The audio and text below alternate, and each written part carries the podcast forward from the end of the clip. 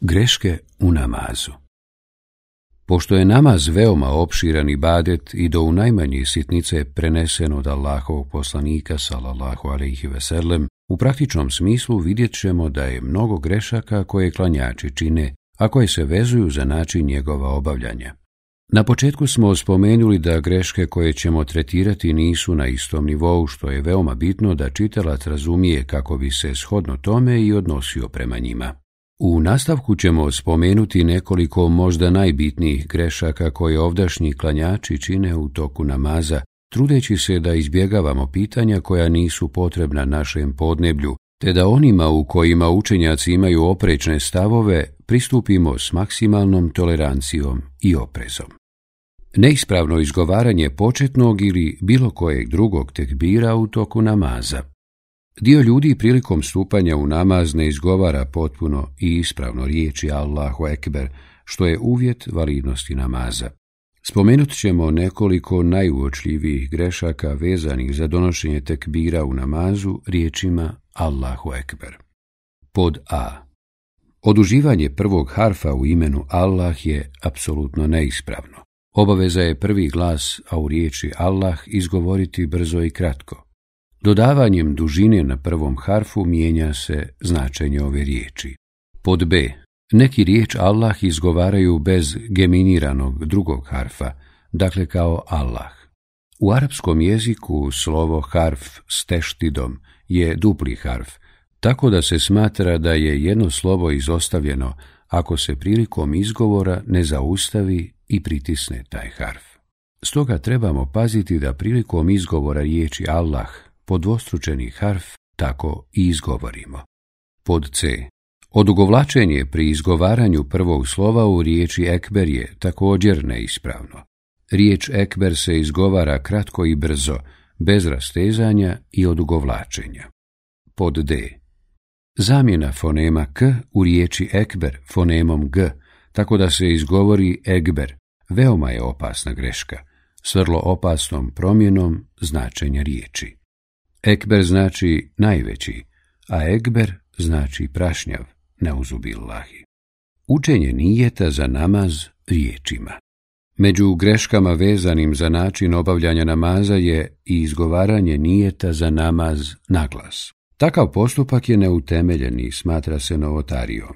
Allahov poslanik, salallahu alaihi vasallam, njegovi ashabi i ljudi iz prve tri najbolje generacije Islama nisu to činili. To je dovoljno da se to djelo i postupak proglase neutemeljenim i novotarijom. A iša radi Allahu Anha prenosi da je Allahu poslanik salallahu alaihi veselem rekao Ko u ovu našu vjeru uvede ono što nije od nje, to se odbacuje. Bilježe Buhari i Muslim. U verziji koju bilježi ima Muslim navodi se Ko uradi kakvo djelo koje nije u skladu s našom vjerom, ono se odbacuje. Ebu Neđih Irbad ibn Sarija radi Allahu anhu kazuje Allahu poslanik salallahu alaihi veselem održao nam je govor od kojeg su nam srca zatreperila, a oči zasuzile. Kazali smo, Allahu poslaniče, kao da je ovo oproštajni govor, pa oporuči nam nešto, a on reče, oporučujem vam bogobojaznost da budete poslušni i pokorni, pa makar vam za zapovjednika bio postavljen abesinski rob. Uistinu onaj koji poživi od vas vidjet će mnoga razilaženja. Zato slijedite moj i sunnet upućenih i pravenih halifa. Čvrsto se za njih uhvatite svojim očnjacima. Nikako ne slijedite novotarije, jer svaka je novotarija zabluda. Bilježe Ebu Davud i Tirmizi. Džabir radi Allahu Anhu kazuje Neprijatelj će vas napasti ujutro ili navečer, a zatim bi kazao Ja sam poslat, a između mene i sudnjeg dana je koliko je između ova dva prsta. Sastavivši kaži prst i srednji prst, pa bi rekao Najbolji je govor Allahova knjiga, najbolja je uputa Muhammedova uputa. Najgore su stvari novotarije, a svaka novotarija je zabluda. Potom bi kazao, ja sam preči svakom vjerniku od njega samoga sebi. I metak koji ostane iza nekoga od vas pripada njegovoj porodici. Ako umre, a ostane mu dug ili nejaka djeca, moja je dužnost njegov dug izmiriti i pobrinuti se za djecu. Bilježi imam muslim. Ovi hadisi jasno ukazuju na to da u vjeri nema lijepih novotarija, već da su sve novotarije u vjeri zabranjene. Kazao je Ibnul Kajim. Poslanik nije govorio na početku abdesta. Nije tim odstranjivanje pravne nečistoće, niti želim se spremiti za namaz. To nije govorio ni on, niti bilo ko od njegovih ashaba. O tome se ne prenosi od poslanika ni jedno slovo, niti s vjerodostojnim lancem prenosilaca, niti sa slabim. Nema sumnje da su oni koji su uveli ovu novotariju imali lijepu namjeru, ali to nije dovoljno da bi samo djelo bilo validno i primljeno. S druge strane, kolika je poteškoća insanu koji tek uči vjeru i kako treba klanjati kada čuje da mora naučiti toliko različitih nijeta. I to sve na arapskom jeziku. Kada bi vrijeme koje provede učeći različite vrste nijeta proveo u učenju Kur'ana, koliko bi ajeta mogao naučiti?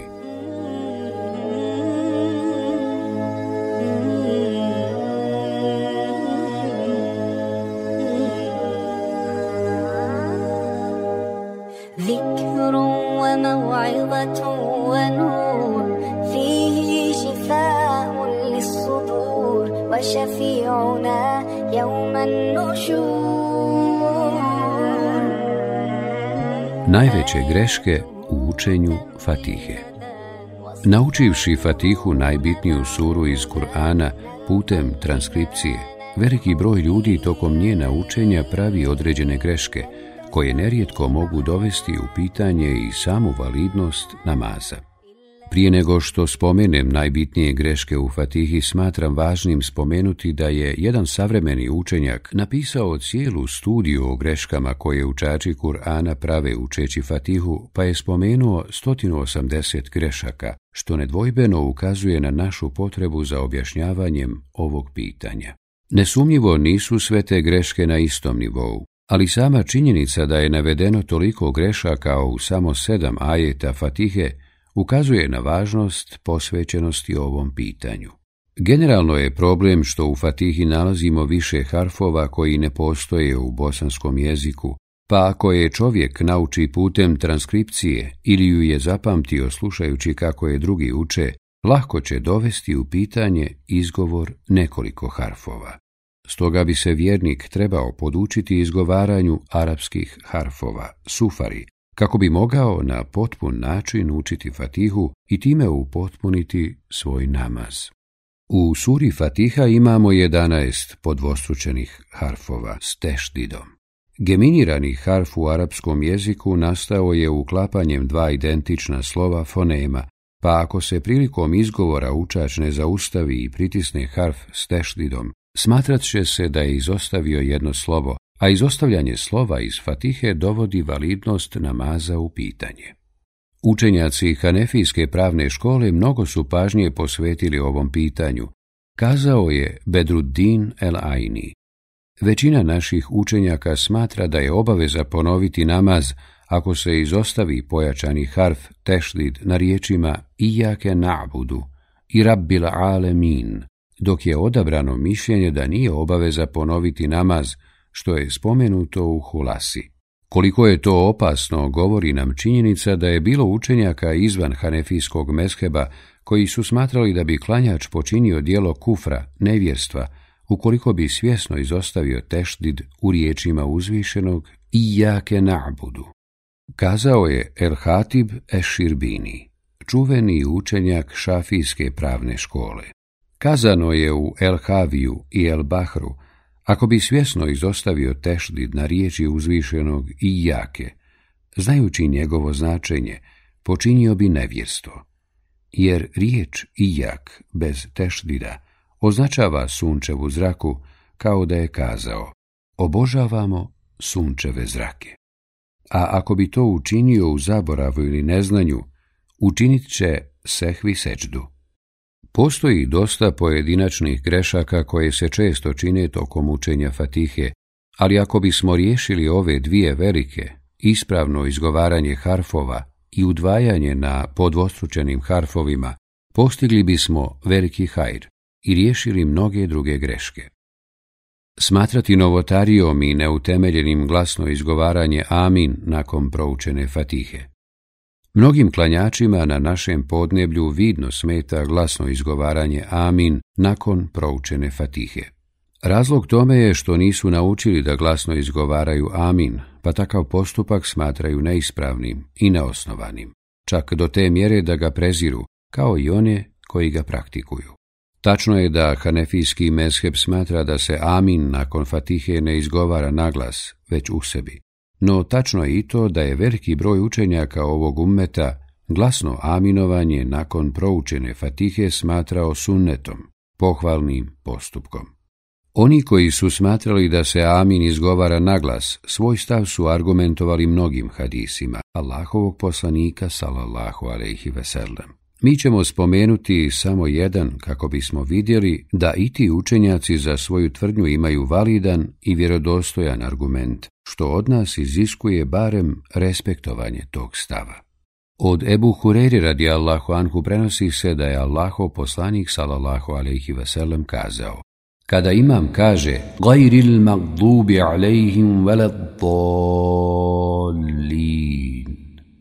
Vi kažite Zaista će onome čiji se izgovor podudari s izgovorom Meleka biti oprošteni prethodni grijesi. Kad bilježi Imam Buhari. Shodno citiranom hadisu smatram da je sunnet izgovaranje riječi amin na glas. Ali isto tako smatram da praktikovanje ovog sunneta ne treba biti razlogom prepirke i mržnje među muslimanima. Oni klanjači koji smatraju da je to sunnet, trebaju razumjeti one koji nisu navikli na to i biti spremni da to ne praktikuju kada su sami u džamiji u kojoj se to ne praktikuje. S druge strane, treba podučiti i one koji nisu navikli na to da je riječ o stavu velikog broja učenjaka, da ne smijemo prezirati nekoga samo zato što praktikuje i da se moramo privikavati na fikske razlike. Kao što nam na hađu u Meki ili u Medini ne smeta što neko pored nas u namazu diže ruke, a mi ih ne dižemo i nismo navikli na to, i kao što neko pored nas naglas izgovara amin, a mi u sebi, pa nam to ne smeta, tako nam ne treba smetati kada na taj način klanjamo u našim džamijama. Smatrati dizanje ruku u namazu novotarijom i neosnovanim postupkom, te zbog toga prezirati one koji to čine. Jedna od grešaka bez sumnje nastala kao plod neznanja i netolerantnog odnosa prema drugim islamskim meshebima jeste uvjerenje da je dizanje ruku u namazu mimo početnog tekbira novotarija ili neutemeljena stvar, da onaj ko to čini unosi razdor, donosi novu vjeru, da nema iskrene namjere i tako dalje. Tačno je da određeni učenjaci, među kojima su i oni iz Hanefijskog mesheba, nisu smatrali pohvalnim sunnetom dizanje ruku osim kod početnog tekbira. Ali trebamo znati da je to stav drugih pravnih škola i da se njihov stav zasniva na jakim i vjerodostojnim dokazima. Apsolutna većina učenjaka ummeta kroz historiju smatrala je validnim postupkom dizanje ruku u namazu i nakon početnog tekbira. Učenjaci koji su smatrali da je od sunneta dizanje ruku prilikom odlaska na ruku i povratka snijega te prilikom podizanja na treći rekat, svoj stav su argumentovali vjerodostojnim hadisima Allahov poslanika salallahu alihi veselem. Od Abdullaha ibn Omera Allahu anhu prenosi se da je kazao Kada bi vjerovjesnik salallahu alihi veselem pristupio obavljanju namaza, dizao bi ruke u visini ramena, a zatim bi izgovorio tekbir. Kada bi htio otići na ruku, također bi podigao ruke, te kada bi podigao glavu vraćajući se s rukua, opet bi dizao ruke. Hadis bilježi Buhari. Imam Buhari, najveći znalac hadijske nauke, napisao je dijelo Rafu'ul Jedein, podizanje ruku, u kojem je detaljno tretirao pitanje dizanja ruku u namazu. Kazao je Imam Buhari, ko ustvrdi da je dizanje ruku u namazu novotarija, taj je potvorio ashabe Allahovog poslanika, selef prve generacije, one koji su došli nakon njih, stanovnike Hidžaza, stanovnike Medine, stanovnike Meke, dio stanovnika Iraka, stanovnike Šama, stanovnike Jemena, učenjake i stanovnike Horosana. Ono što je kazano o glasnom izgovaranju Amin nakon Fatihe važi i u ovom pitanju. Praktikovanje sunneta, pohvalnih postupaka u namazu, ne smije biti razlogom svađe i prepirke niti netrpeljivosti među muslimanima. Oni klanjači koji dižu ruke u namazu trebaju biti spremni da to povremeno ostave, kada to situacija iziskuje. Ali isto tako ljude koji ne uobičavaju dizanje ruku u namazu, njihovi autoriteti trebaju podučiti da je to legitiman stav u islamskom pravu i da su ga zastupali veliki alimi ummeta zbog čega treba poštovati one koji to praktikuju, te da to pitanje nikako ne treba biti kamen spoticanja u našim džematima. Kamo sreće da snagu koju trošimo u međusobnim raspravama o dizanju ruku i glasnom izgovaranju amin trošimo na pozivanje onih koji nikako ne klanjaju, mnogo dobra bismo vidjeli. Šetan je uspio ljude zaokupirati sitnicama od onoga što je mnogo bitnije. S druge strane, koliko je ljudi koji apsolutno ne razumiju šta uče u namazu, dekoncentrisani su, okreću se, zjevaju, pa ti njihovi postupci nikome ne smetaju, a spremni smo da se prepiremo i preziremo zbog pitanja o kojima postoji legitimno razilaženje mesheba. Preticanje imama Preticanje imama u namazu česta je greška klanjača našeg podneblja, pogotovo starijih osoba. Takav postupak strogo je zabranjen. Allahov poslanik sallallahu ve sellem rekao je Zar se ne boji onaj koji podigne glavu u namazu prije nego što to učini imam, da mu Allah glavu neće pretvoriti u glavu magarca ili da njegov izgled neće izmijeniti u magarčev? Biježi Buhari Često u našim džamijama možemo primijetiti ljude koji ne poznaju propis sklanjanja za imamom, oni nisu svjesni da, iako su došli u džamiju, što je za svaku pohvalu, u toku namaza koji obavljaju za imamom mogu počiniti veliki grijeh, te dovesti u pitanje ispravnost namaza, a sve zbog pogrešnog odnosa prema izvršavanju namaskih radnji za imamom. Islamski učenjaci spominju da se klanjač muktedija u toku zajedničkog namaza može naći u jednoj od četiri situacije da namaske radnje obavlja prije imama, da namaske radnje izvršava istovremeno s imamom, da slijedi imama, da zaostaje za imamom u obavljanju namaskih radnji. Svaka varijanta ima svoje propise, koje ćemo spomenuti rezimirano, bez detaljnog razmatranja. Obavljanje namaskih radnji prije imama Ukoliko klanjač obavi neke namaske radnje prije imama, na primjer, ode na ruku ili seđdu prije imama ili se podigne s rukua ili seđde prije njega, počinio je jasni haram. Allahov poslanik sallallahu alaihi ve rekao je: Zar se onaj koji podigne glavu u namazu prije nego što to učini imam, ne boji da mu Allah glavu neće pretvoriti u glavu magarca ili da njegov izgled neće izmijeniti u magarče? Bilježi Buhari. Ako donese početni tekbir prije imama, uopće nije stupio u namaz za njim, što opet jasno ukazuje na to koliko je opasno namaske radnje izvršavati prije imama. Allahov poslanik sallallahu alejhi ve sellem rekao je: Imam je postavljen da ga slijedite, pa kada donese početni tekbir i vi ga donesite. Bilježe Buhari i Muslim. Ukoliko bi čovjek svjesno i namjerno obavio namaske radnje prije imama, njegov bi namaz, shodno citiranim predajama, bio pokvaren.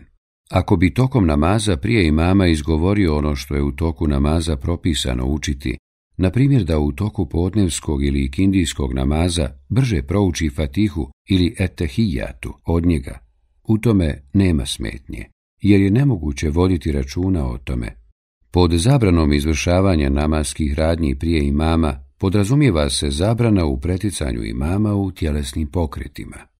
Obavljanje namaskih radnji istovremeno s imamom. Zaklanjača koji namaske radnje obavlja istovremeno s imamom može se kazati da ne slijedi sunnet Allahovog poslanika sallallahu alejhi ve koji je preporučio da se namaske radnje izvršavaju neposredno nakon imama Klanjač koji ovako postupa dovodi sebe u situaciju da sumnja je li dijelove namaza obavio prije imama ili ne. Allahov poslanik sallallahu alejhi ve sellem rekao je: Imam je postavljen da ga slijedite, pa kada donese početni tekbir i vi ga donesite. Kada ode na ruku i vi otiđite. Kada izgovori semi Allahu limen hamide, vi izgovorite Rabbena walakel hamd kada ode na seždu, i vi otiđite na seždu.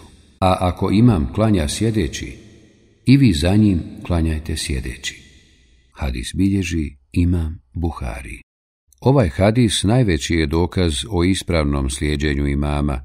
Na samom početku hadisa poslanik sallallahu alejhi ve jasno daje do znanja da je imam postavljen da se slijedi govoreći. Imam je postavljen da ga slijedite. A zatim kad god je spomenuo neku od namaskih radnji imama, preporučio je da ih klanjač Muktedije učini nakon njega. Klanjač koji namaske radnje izvršava istovremeno s imamom, jasno krši smjernice koje je Allahov poslanik sallallahu i veselem naveo u hadisima u kojima zabranjuje da se namaske radnje obavljaju prije imama. Allahov poslanik sallallahu i veselem rekao je Imam je postavljen da ga slijedite, pa kada donese početni tekbir, i vi ga donesite i nemojte donositi tekbir, sve dok ga on ne donese. Kada ode na ruku, i vi otiđite i nemojte ići na ruku, sve dok on ne ode. Kada izgovori semi Allahu limen hamide, vi kažite Rabbena walekel hamd. A kada ode na seđdu, i vi otiđite na seđdu i nemojte ići na seđdu sve dok je on ne učini. Kada imam klanja stojeći, i vi klanjajte stojeći. A ako klanja sjedeći, i vi za njim klanjajte sjedeći. Shodno ovom hadisu neki su učenjaci kazali da ako bi klanjač donio početni tekbir istovremeno s imamom, ne bi se smatralo ni da je stupio u namaz. Slijeđenje imama Slijedjenje imama u obavljanju namaskih radnji, tako da ih klanjač obavlja neposredno nakon njega, smatra se sunnetom i ispravnim načinom klanjanja za imamom. To potvrđuje prethodno spomenuti hadis u kojem se navodi da je imam postavljen da se slijedi, a slijedjenje podrazumijeva da se namaske radnje izvršavaju nakon njega. Također Allahov poslanik je u većini hadisa o izvršavanju namaskih radnji za imamom tu naredbu izrekao koristeći veznik pa, što u arapskom jeziku jasno označava redoslijed i slijeđenje bez kašnjenja. Pošto su ashabi Allahovog poslanika, salallahu alaihi veselem, najbolja generacija koju je on odgajao šutnjom, odobravajući njihove postupke, riječima ih usmjeravajući i savjetujući ih kada pogriješe, oni su nam jasno prenijeli kako su slijedili poslanika u namazu. Abdullah ibn Jezid kazuje Obavijestio me je Bera, a on sigurno nije slagao govoreći Kada bi Allahov poslanik u namazu izgovorio Semi Allahu limen hamide Niko od nas ne bi povijao svoja leđa sve dok Allahov poslanik ne bi učinio seđdu, a potom bismo mi činili seđdu za njim. Bilježe Buhari i Muslim. Na osnovu ovog, ali i prethodno spomenutih hadisa, sunneti jedina ispravna opcija u odnosu klanjača muktedije spram imama, jeste da ga slijedi nakon što on učini određenu radnju, da ga ne pretiče i da ne kasni za njim. Zaostajanje za imamom u obavljanju namaskih radnji. Shodno citiranim hadisima, slijedjenje imama jedina je ispravna opcija, Islamski učenjaci za ostajanje klanjača za imamom u obavljanju namaskih radnji dijele u dvije kategorije. Kraće zaostajanje u trajanju jednog namaskog rukna i duže zaostajanje duže od jednog namaskog rukna. Ako je u pitanju kraće zaostajanje tako da klanjač stigne imama na narednom ruknu, to se može tolerisati, iako i to treba izbjegavati, kao u slučaju kada se imam ispravi s rukua, a klanjač kratko ostane na ruku da bi završio dovu, pa se podigne prije nego što imam ode na seđdu ili kada imam ode na ruku skijama, a klanjač još nije završio učenje fatihe, ostao mu je ajet 2, te će proučiti te ajete i sustići imama na ruku. Kada je riječ o dužem zaostajanju, toliko da imam ode na sljedeći rukn, a klanjač ga nije stigao na ruknu na kojem ga je trebao slijediti, neki učenjaci taj namaz smatraju neispravnim, a jedan od savremenih učenjaka koji je dijelio to mišljenje jeste i šejh Useimin. Ova tvrdnja nije potvrđena jasnim dokazima, ali je sigurno da se čovjek ne treba poigravati sa svojim namazom i ne treba kasniti bez validnog razloga. Kao primjer zabranjenog dužeg zaostajanja za imamom možemo navesti situaciju kada klanjač svjesno oduži dovu na seđdi, pa vidimo da se imam ispravio sa seđde, a on i dalje dovi, pa imam učini i drugu seđdu, a on se još nije podigao sa seđde, što su islamski učenjaci zabranjivali, a neki su za takav postupak kazali da kvari namaz. Ako bi se desilo da klanjač duže zaostane za imamom iz opravdanog razloga, na primjer zato što nije čuo tekbir ili je nestalo struje, pa nije čuo glas imama, ili se zaista zanio u ibadetu, pa zaboravio da slijedi imama, nastavit će klanjati ono što je propustio i slijediti imama, i njegov namaz je validan. Rezime Klanjač muktedija u toku zajedničkog namaza može se naći u jednoj od četiri situacije.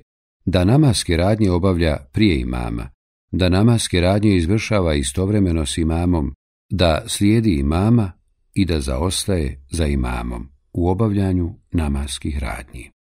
Ono što je jasno potvrđeno sunnetom jeste i imama, tako što će klanjač muktedija namaske radnje namaza obavljati neposredno nakon imama, bez zaostajanja. Učenje u mislima bez pomiranja jezika. Veliki broj ljudi klanja tako da učenje u namazu svode na razmišljanje u mislima, bez pomiranja jezika i usana. Da bi učenje Kur'ana ili namaskih dova bilo validno i potpadalo pod termin kirajeta, mora biti izgovoreno jezikom, a nikako u mislima bez pomicanja jezika i usana. Kazao je Ibn Rušt. Što se tiče učenja bez pomjeranja jezika, tačno je da to nije kirajet učenje. Učenjem se smatrao izgovor pomicanjem jezika. Kao što insan neće biti odgovoran niti pitan za ono što mu je došaptavala duša, sve dok to ne izgovori, kako je potvrđeno u vjerodostojnim predajama, analogno tome i njegov je namaz validan, ako ono što se traži od njega tiho prouči pomjerajući jezik, a ne da to samo uči u mislima bez micanja jezikom. Iako je većina učenjaka stava da osobi u stanju džunupluka nije dopušteno učiti Kur'an, smatrali su da u tom stanju može učiti Kur'an u mislima, bez izgovaranja jezikom, što ukazuje na to da učenje Kur'ana u mislima ne potpada pod pojam kirajeta učenja. Kazao je imam en nevavi. Dozvoljeno je osobi u stanju džunupluka, te ženi u hajzu i postporođajnom periodu da uče Kur'an u srcu, mislima, bez izgovaranja, kao što je dopušteno gledanje u mushaf i njegovo učenje srcem. Okretanje u namazu Često vidimo kako se ljudi zakreću u namazu i razgledaju lijevo desno, što ih sigurno dekoncentriše i udaljava od skrušenog obavljanja namaza. A Iša radi Allahu Anha prenosi da je upitala Allahovog poslanika sallallahu alaihi veselem o okretanju u namazu, pa joj je odgovorio. To je vješta otimačina, ono što šeitan uspije ukrasti od čovjekovog namaza. Hadis bilježi imam Buhari. Od pitanja koja se vezuju za pogled u namazu, klanjač bi trebao znati sljedeće. Da je propisano tokom cijelog namaza gledati u mjesto seđde, osim kada sjedi na etehijatu, pri čemu je propisano da gleda u kaži prst desne ruke. Sve spomenuto potvrđeno je vjerodostojnim dokazima iz sunneta Allahovog poslanika. Strogo je zabranjeno da klanjač u toku namaza podiže pogled u nebo. Enes radi Allahu Anhu prenosi da je Allahov poslanik salallahu alaihi veselem rekao Šta je nekim ljudima pa u toku namaza poglede upiru ka nebu? Nakon što je to najoštrije osudio rekao je Ili će se okaniti toga, ili će im vid biti oduzet. Hadis bilježi Buhari. Na osnovu citiranog hadisa islamski su učenjaci zajedničkog stava da je klanjaču strogo zabranjeno podizanje pogleda u toku namaza. Nevezivanje ruku u namazu Jedna od grešaka u namazu koja, hvala Allahu, nije prisutna kod nas, ali je lijepo ukazati na nju kako bi se znalo da je to neispravno, jeste klanjanje spuštenih ruku, dakle da se nakon početnog tekbira ne stavi desna ruka preko lijeve. Od Sehla ibn Sada radi Allahu Anhu prenosi se da je kazao Ljudima je naređivano da u namazu stave desnu ruku na podlakticu lijeve bilježi Buhari. Od Ibn Abasa radijallahu anhu prenosi se da je Allahov poslanik sallallahu alaihi veselem rekao Nama poslanicima je naređeno da odgađamo sehur, da požurujemo siftarom i da u namazu desnicama uhvatimo ljevice. Hadis bilježi Imam Ibn Hibban. Treba napomenuti da je vezivanje ruku u namazu pohvalan postupak, koji ne utječe na ispravnost namaza, ali vjernik treba znati šta je ispravno i sunnet, a šta ne. Naročito kada određeni postupci postanu simbol za određene sekte, kao što je u današnjem dobu svojstveno rafidijama, šijama, da klanjaju spuštenih ruku. Stoga vjernik treba znati da je to što klanjaju na taj način suprotno sunnetu Muhammeda sallallahu alaihi veselem i svih prethodnih poslanika. Smatranje obaveznim učenje po rasporedu mushafa, jedna od grešaka zbog koje se često vode rasprave je uvjerenje da klanjač u namazu mora učiti sure prema rasporedu po kojem su zabilježene u mushafu, od fatihe i El Bekare do sure En Nas. Učenje Kur'ana u namazu po redoslijedu mushafa zasigurno je pohvalan i lijep postupak, ali da li je obaveza i je li onaj ko to ne čini napravio prekršaj? U vjerodostojnim hadisima zabilježeno je da Allahov poslanik sallallahu alihi veselem nije učio sure u namazu po rasporedu sura o mushafu, što je jasan dokaz da to nije obaveza. Da jeste, ne bi Allahov poslanik postupao suprotno tome. Ebu Abdullah Huzeife ibn Jeman radi Allahu anhu kazuje Jedne noći klanjao sam s vjerovjesnikom sallallahu alihi veselem počeo je učiti suru El Bekara, Pomislio sam da će učiniti ruku poslije proučenih stotinu ajeta, ali je nastavio učiti.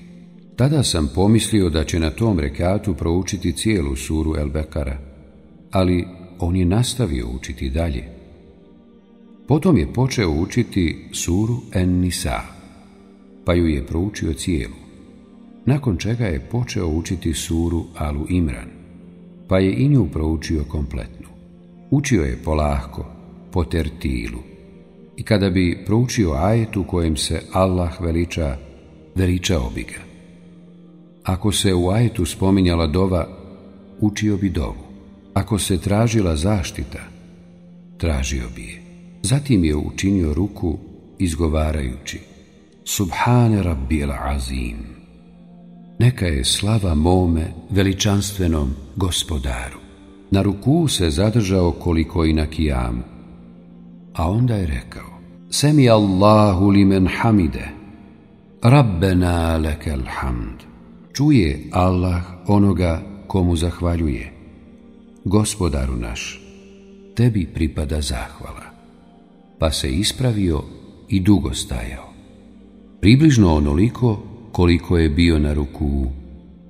Nakon toga učinio je seđdu izgovarajući Subhane Rabbi ala Neka je slava mome uzvišenom gospodaru.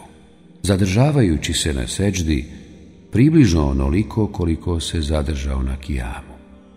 Kad izbježi, imam muslim. Vidimo da je u ovom hadisu spomenuto da je poslanik prvo učio El Bekaru, potom En Nisa, a zatim Alu Imran dok je prema redoslijedu u Mushafu Alu Imran prije sure En-Nisa.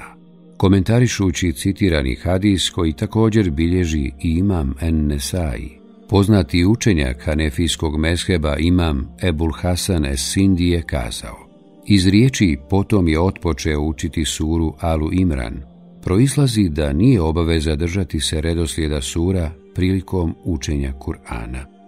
Rezime Prilikom učenja Kur'ana insan će se pridržavati redoslijeda sura spomenutih u mushafu, ali ako to ne učini, nadamo se da nije pogriješio i ne treba ga kritikovati, jer citirani hadis jasno ukazuje da je to činio Allahov poslanik. To što je spomenuta situacija u navedenom hadisu vezana za dobrovoljni noćni namaz ne mijenja propis, jer sve što je poslanik činio u nafili odnosi se i na obavezni farz namaz, sve dok ne dođe poseban dokaz koji ukazuje na to da je određeni postupak izuzetak i specifičnost vezana samo za nafilu. Davanje prednosti starijem nad mlađim i učenijim pri odabiru predvodnika u namazu. Mnogo puta sam bio u situaciji kada u odsustvu imama pred ljude izlazi neko ko ne zna pravilno učiti Kur'an. Na osnovu njegovog izgovora može se zaključiti da harfove ne izgovara na ispravan način. Problem se javlja kada znamo da u džematu ima dosta mladih ljudi koji se ne laktaju da uđu u mihrab, a čije je učenje na visokom nivou, pogotovo u usporedbi s učenjem osobe koja harfove ne izgovara ispravno. Znam da je problem mnogo veći nego što izgleda, jer je nekim osobama teško pojasniti da mlađi treba predvoditi ljude u namazu. Ali pošto je riječ o najbitnijem ibadetu u islamu, takve slučajeve treba riješiti nadležna osoba, u ovom slučaju imam ili džematski odbor, da takvima na lijep način pojasne da ne izlaze pred džemat i da imamet, kada ovlaštena osoba nije tu, trebaju prepustiti onima koje je imam provjerio. Ashabe je u namazu znao predvoditi dječak od sedam godina zbog znanja koje je posjedovao. U jednom dužijem hadisu zabilježeno je da je Amr ibn Seleme kazao Kada je proučeni kamet, pogledali su i vidjeli da niko ne zna više Kur'ana od mene, koji sam naučio od prolazećih karavana, pa su me postavili da im predvodim namaz, a tada sam imao šest ili sedam godina. Hadis bilježi Buhari. S druge strane, mnogi vjerodostojni hadisi potvrđuju da ako imam džamije ili mesčida nije prisutan, ljude treba predvoditi onaj ko najbolje uči Kur'an i zna najviše sura. Ebu Mesud Ukbe ibn Amr el Bedri el Ansari radi Allahu Anhu prenosi da je Allahu poslanik salallahu alaihi veselem rekao Neka ljude u namazu predvodi onaj ko zna najviše Kur'ana na pamet, a ako u tome budu jednaki, onda najučeniji u sunnetu, pa ako i u tome budu jednaki, onda onaj koji je prije hijđru učinio, a ako su hijđru zajedno učinili, onda najstariji. Neka čovjek nipošto ne predvodi namaz tamo gdje je prisutan onaj koji je zato ovlašten i neka ne sjeda na domaćinovo mjesto u njegovoj kući, izuzev ako mu on to dozvoli. Hadis bilježi ima muslim. Ova i mnogi drugi hadisi s istim značenjem jasno daju prednost u pitanju imameta onome ko je kompetentniji, ko zna više Kur'ana i koga uči bolje. Knjige Hanefijskog mesheba pune su citata o davanju prednosti učenijem nad starijim u predvođenju namaza. Ostavljanje namaza tokom bolesti.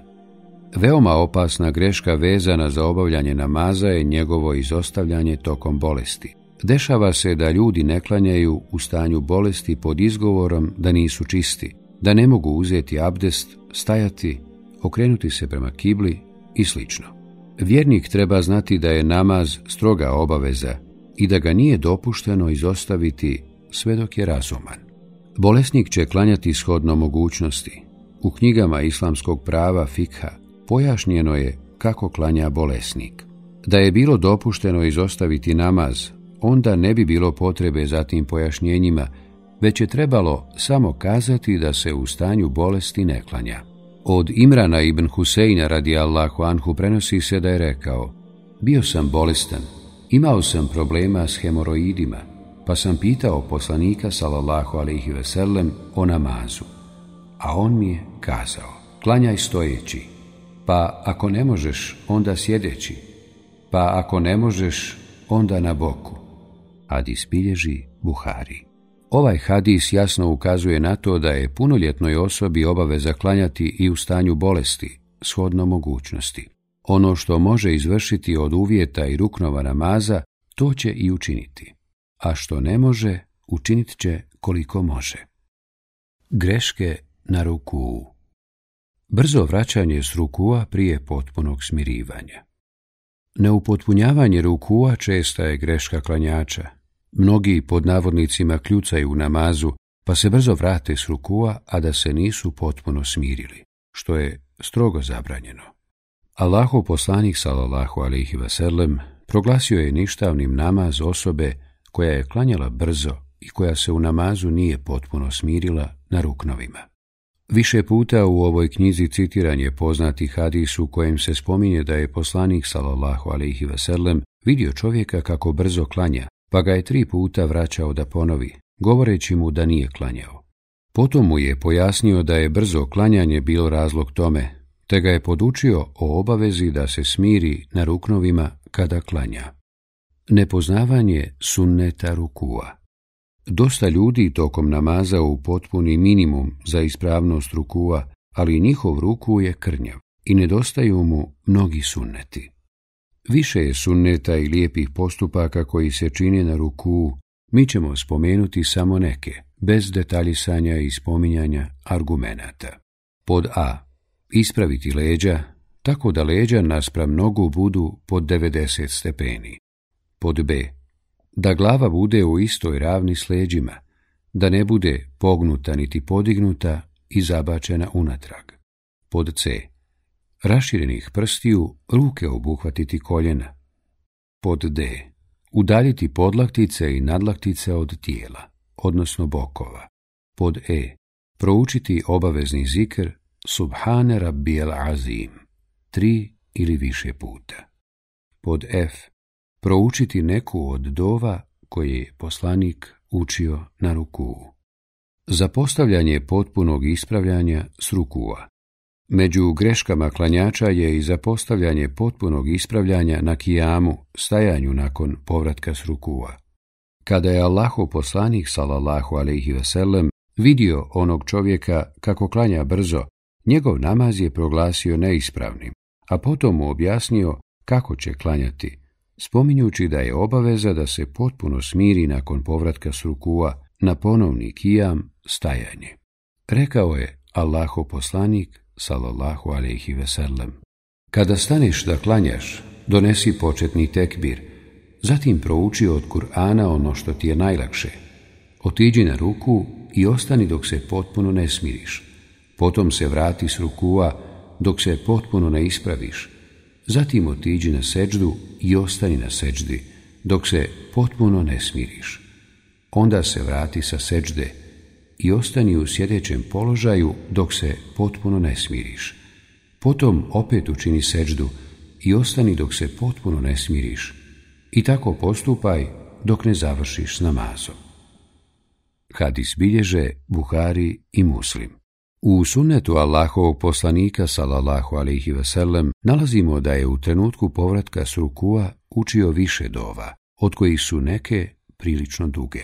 Stoga bi se insan trebao potpuno smiriti nakon povratka s rukua na kijam, izgovoriti obavezni zikr, a potom proučiti dove zabilježene od poslanika salallahu alihi veselem koje je učio u tom dijelu namaza. Od Rifaeta ibn Rafija Ezurakija se prenosi da je kazao Jednoga dana klanjali smo za Allahovim poslanikom sallallahu alihi veselem, pa kada je podigao glavu surkua, rukua, kazao je Semi Allahu limen hamide, te je čovjek koji je klanjao iza njega kazao Rabbena walakel hamd, hamden kethiren, tajiben, mubareken fihi. Kada je završio namaz, Allahov poslanik je kazao, ko je ono rekao? Jedan od prisutnih reče, ja. Zatim je Allahov poslanik, salallahu alaihi kazao, vidio sam trideset i nekoliko meleka kako se natječu koji će ih prvi zapisati. Hadis bilježi imam Buhari. Od Sabita se prenosi da je rekao Enes radi Allahu Anhu nam je opisivao namaz Allahovog poslanika sallallahu alihi veselem, pa bi kazao, klanjao je, pa kada bi podigao glavu s rukua, ostao bi stajajući toliko da bismo kazali, pomislili da je zaboravio. Hadis bilježi Buhari.